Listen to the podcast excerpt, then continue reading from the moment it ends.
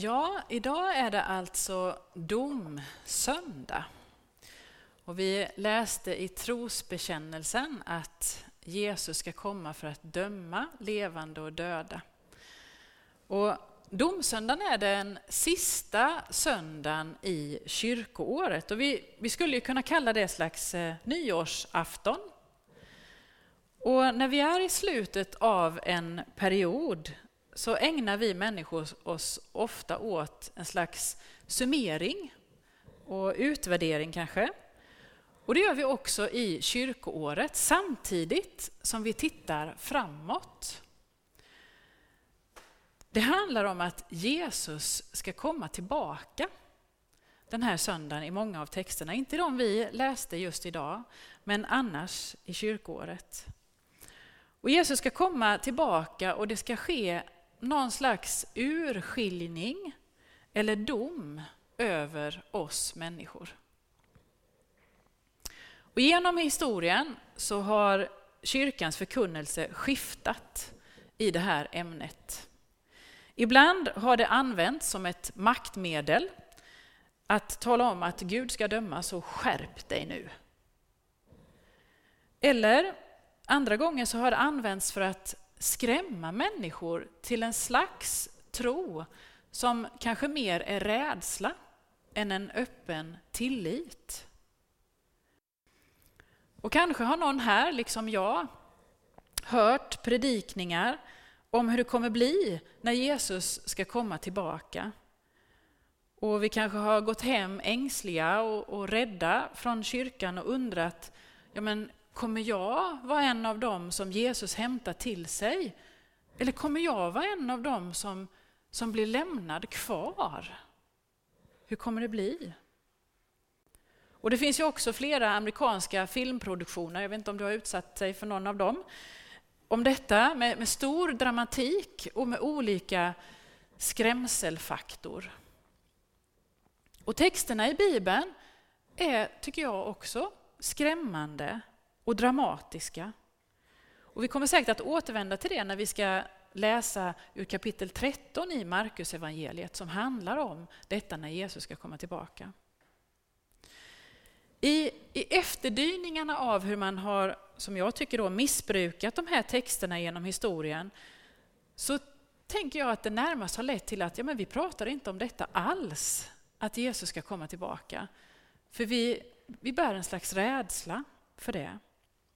Helst kanske vi hoppar över de där texterna i Bibeln och så skyndar vi vidare till någonting som är lite mer tröstefullt och inte riktigt så problematiserande över våra liv. Hur kommer det att bli när Jesus kommer tillbaka? Och hur kommer det att gå till att bli dömd?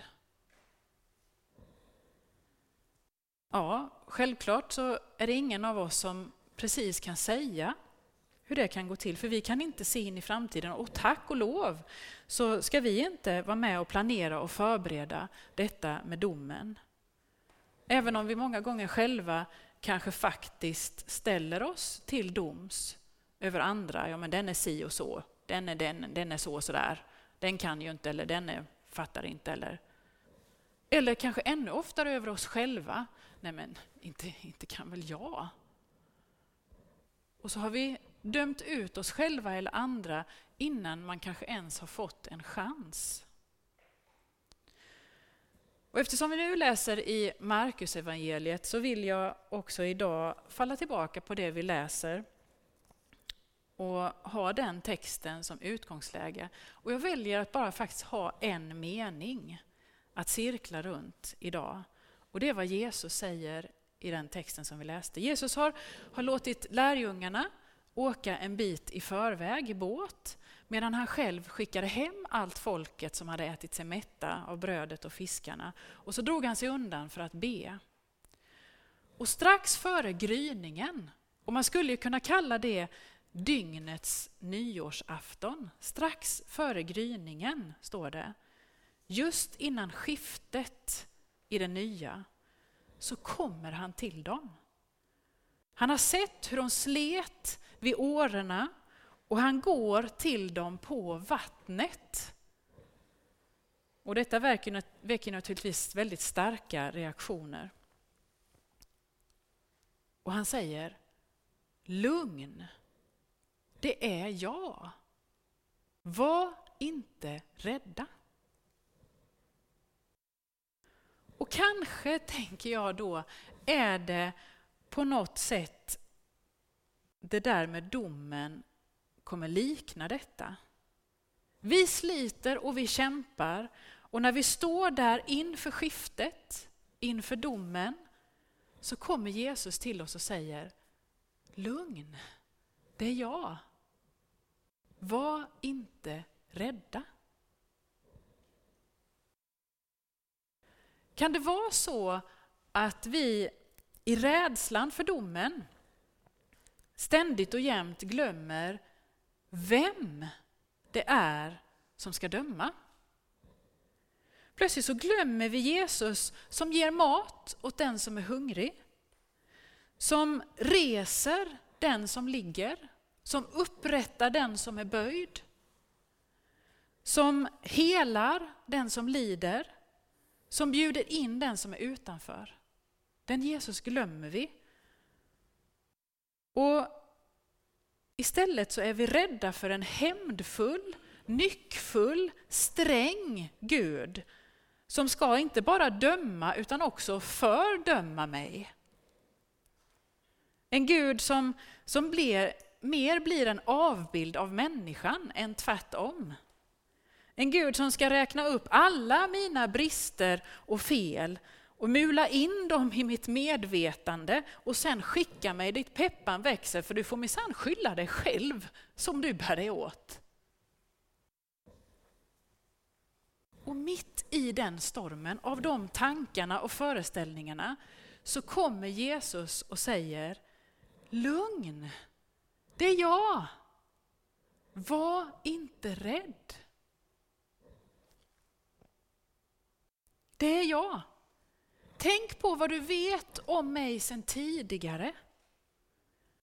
Läs om alla de möten med människor som jag gjorde. Kom ihåg att jag älskar dig så innerligt att jag till och med har dött för dig och besegrat döden för att du ska kunna få leva.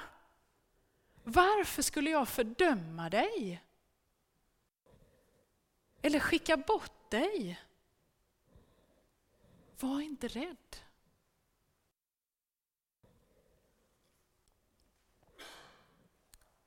Det är mitt hopp. Det är min tro. Att det är så det kommer gå till.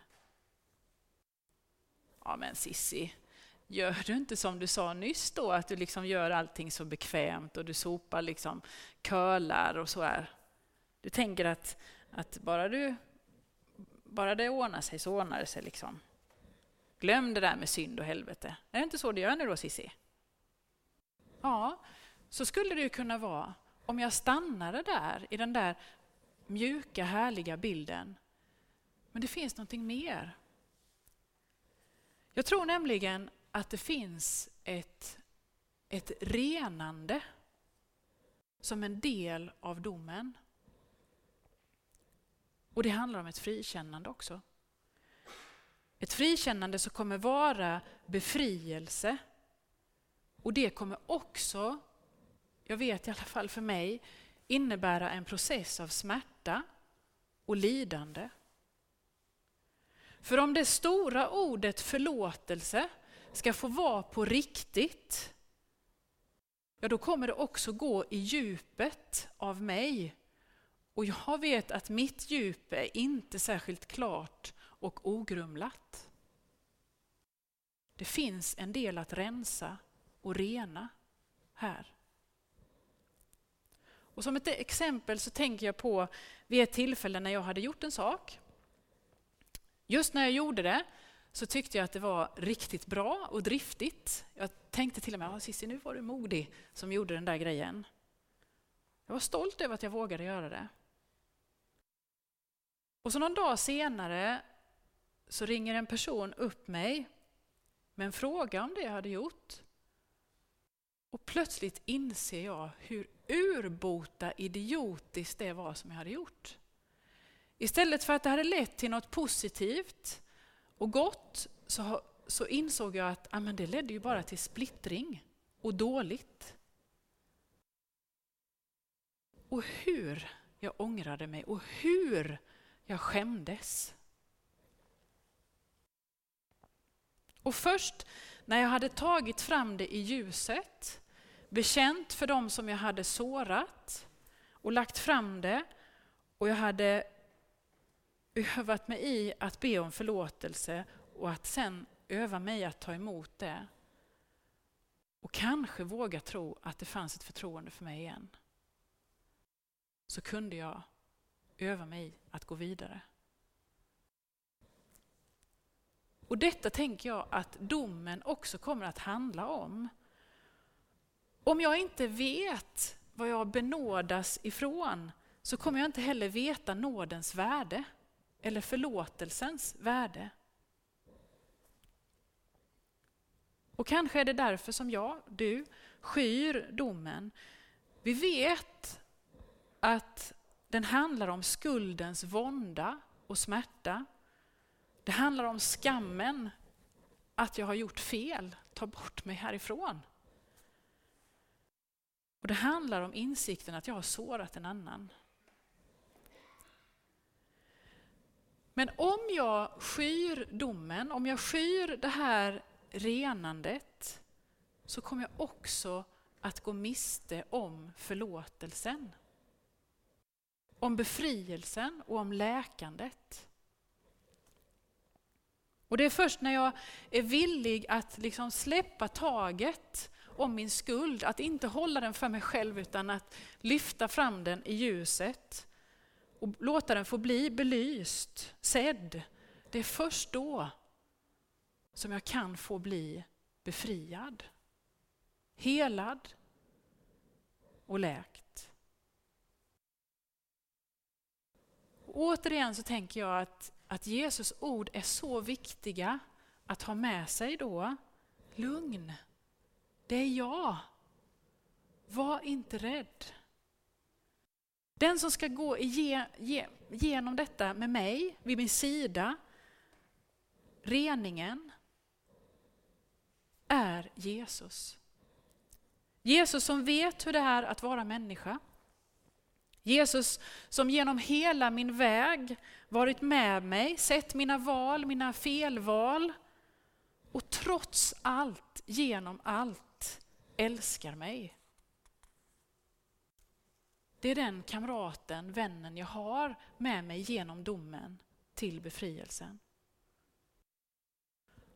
Och jag, liksom det känns i min egen kropp när mina barn gör felval som sårar dem själva och andra, det känns i min kropp, så tänker jag att det känns i Gud, vår himmelske fars kropp, hjärta, när jag, när du väljer fel.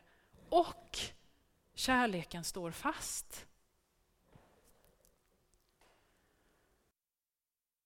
Så i, i summeringstiden, när vi ser bakåt, när vi blickar framåt inför domen, så får vi ha med oss den oerhört viktiga versen i Johannes 3 och 17. 3 och 16 kanske du kan utan till, men 3 och 17, glöm inte den. Där står det så här. Ty Gud sände inte sin son till världen för att döma världen, utan för att världen skulle räddas genom honom. Och i vågornas kamp, som jag tänker att det är att vara människa ibland, så kommer Jesus ord till oss. Och han säger, lugn. Det är jag som är med dig. Som ska döma dig, som ska lyfta dig, som ska bära dig. Var inte rädd.